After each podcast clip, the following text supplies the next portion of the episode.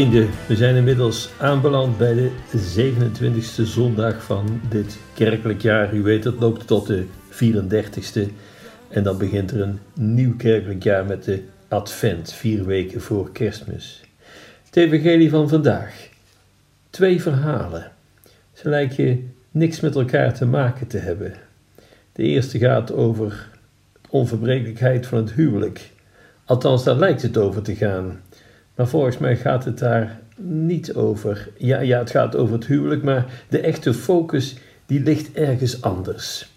Zoals gezegd, twee verhalen. Eentje Jezus en de Fariseeën, twee Jezus en de kinderen.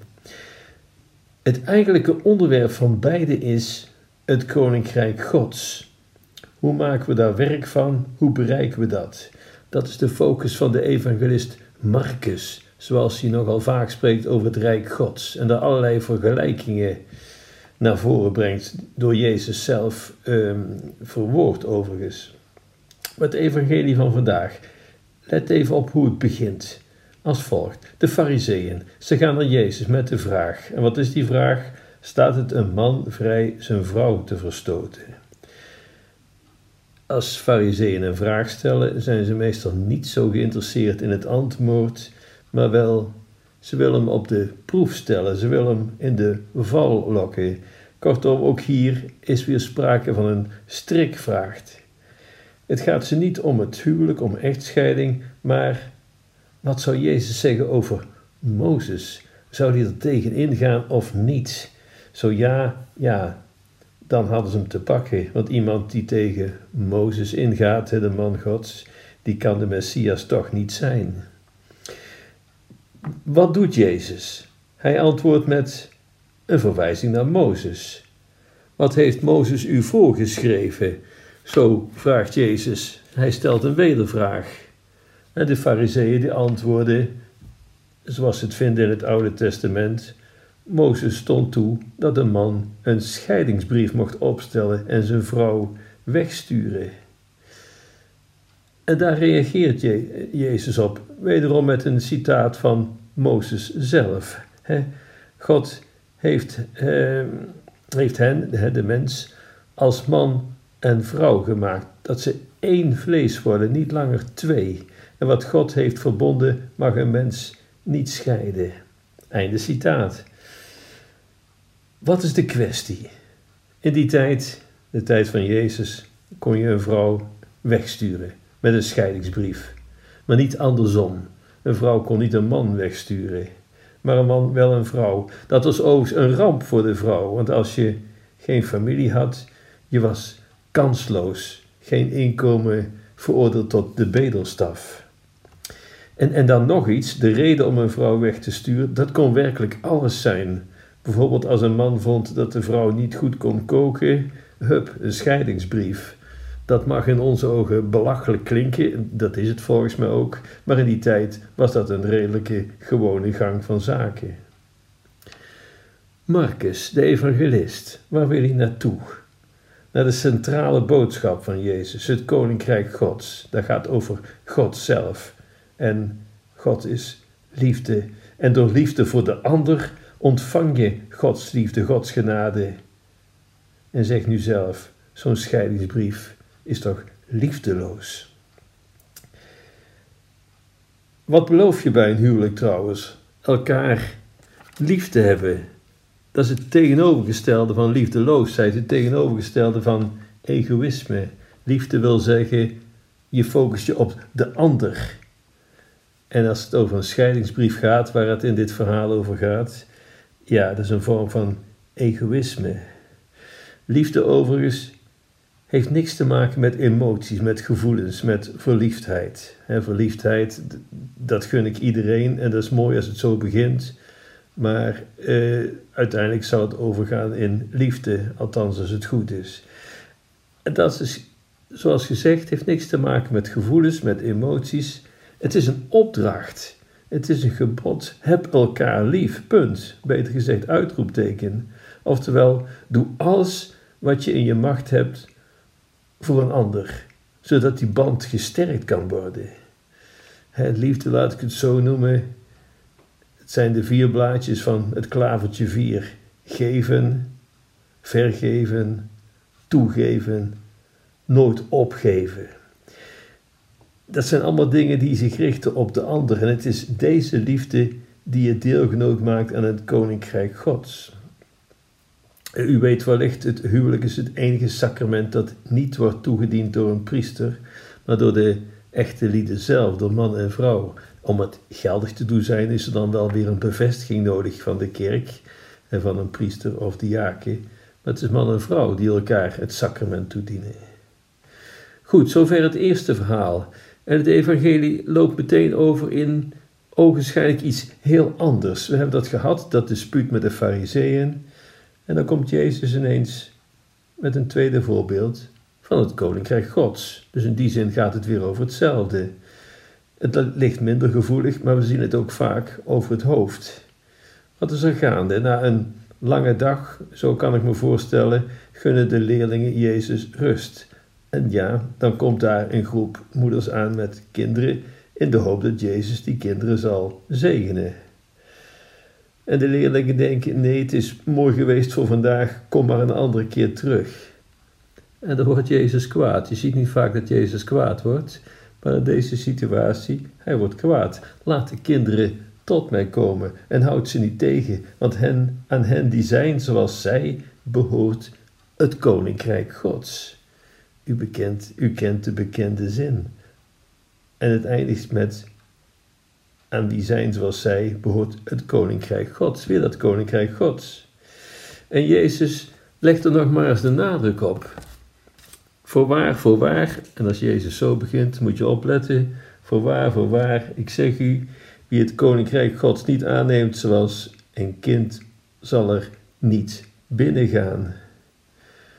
Ja, en dat staat dan eigenlijk weer terug op die fariseeën, op die scheidingsbrief. Dat, op die liefdeloosheid. Maar goed, hier, wat zegt Jezus?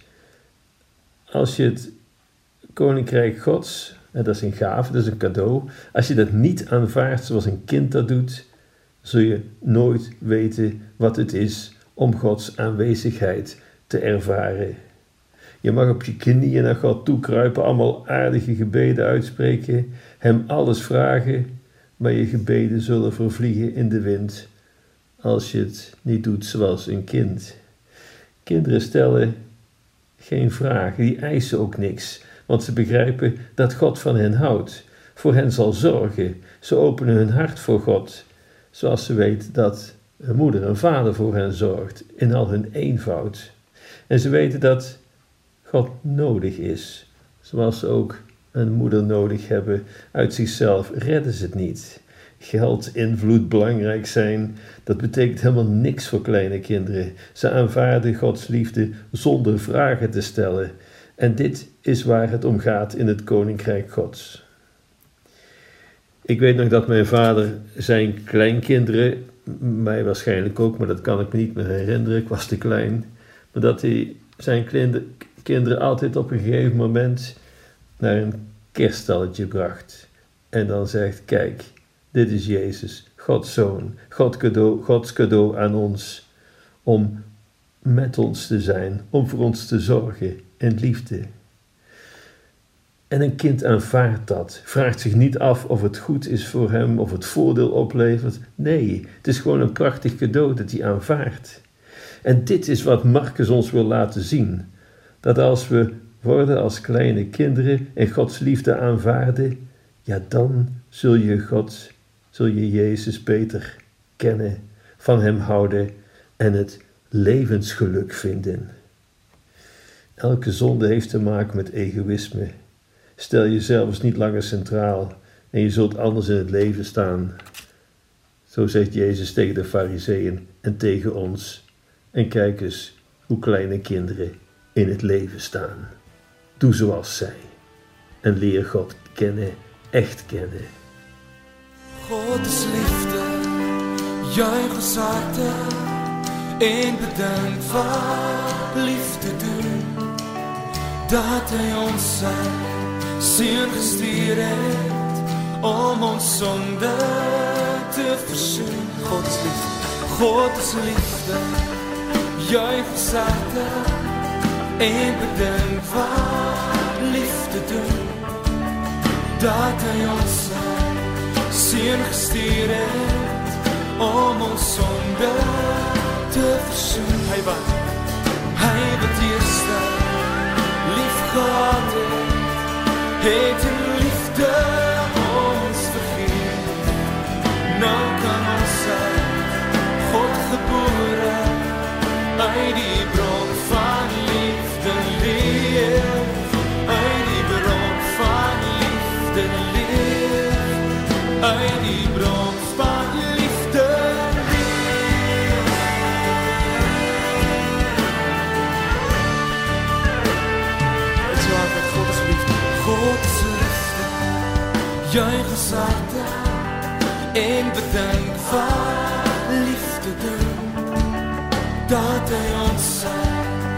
seun gestuur het om ons sonde te versoen. Hy wat hy wat eerste liefgehad het, het in liefde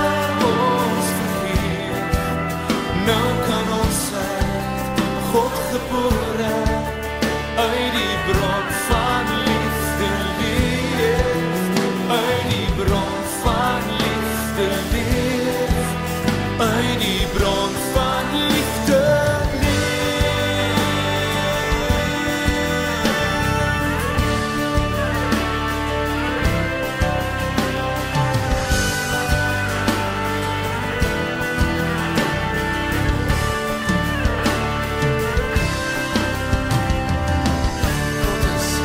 Gottes liefde, juich sarte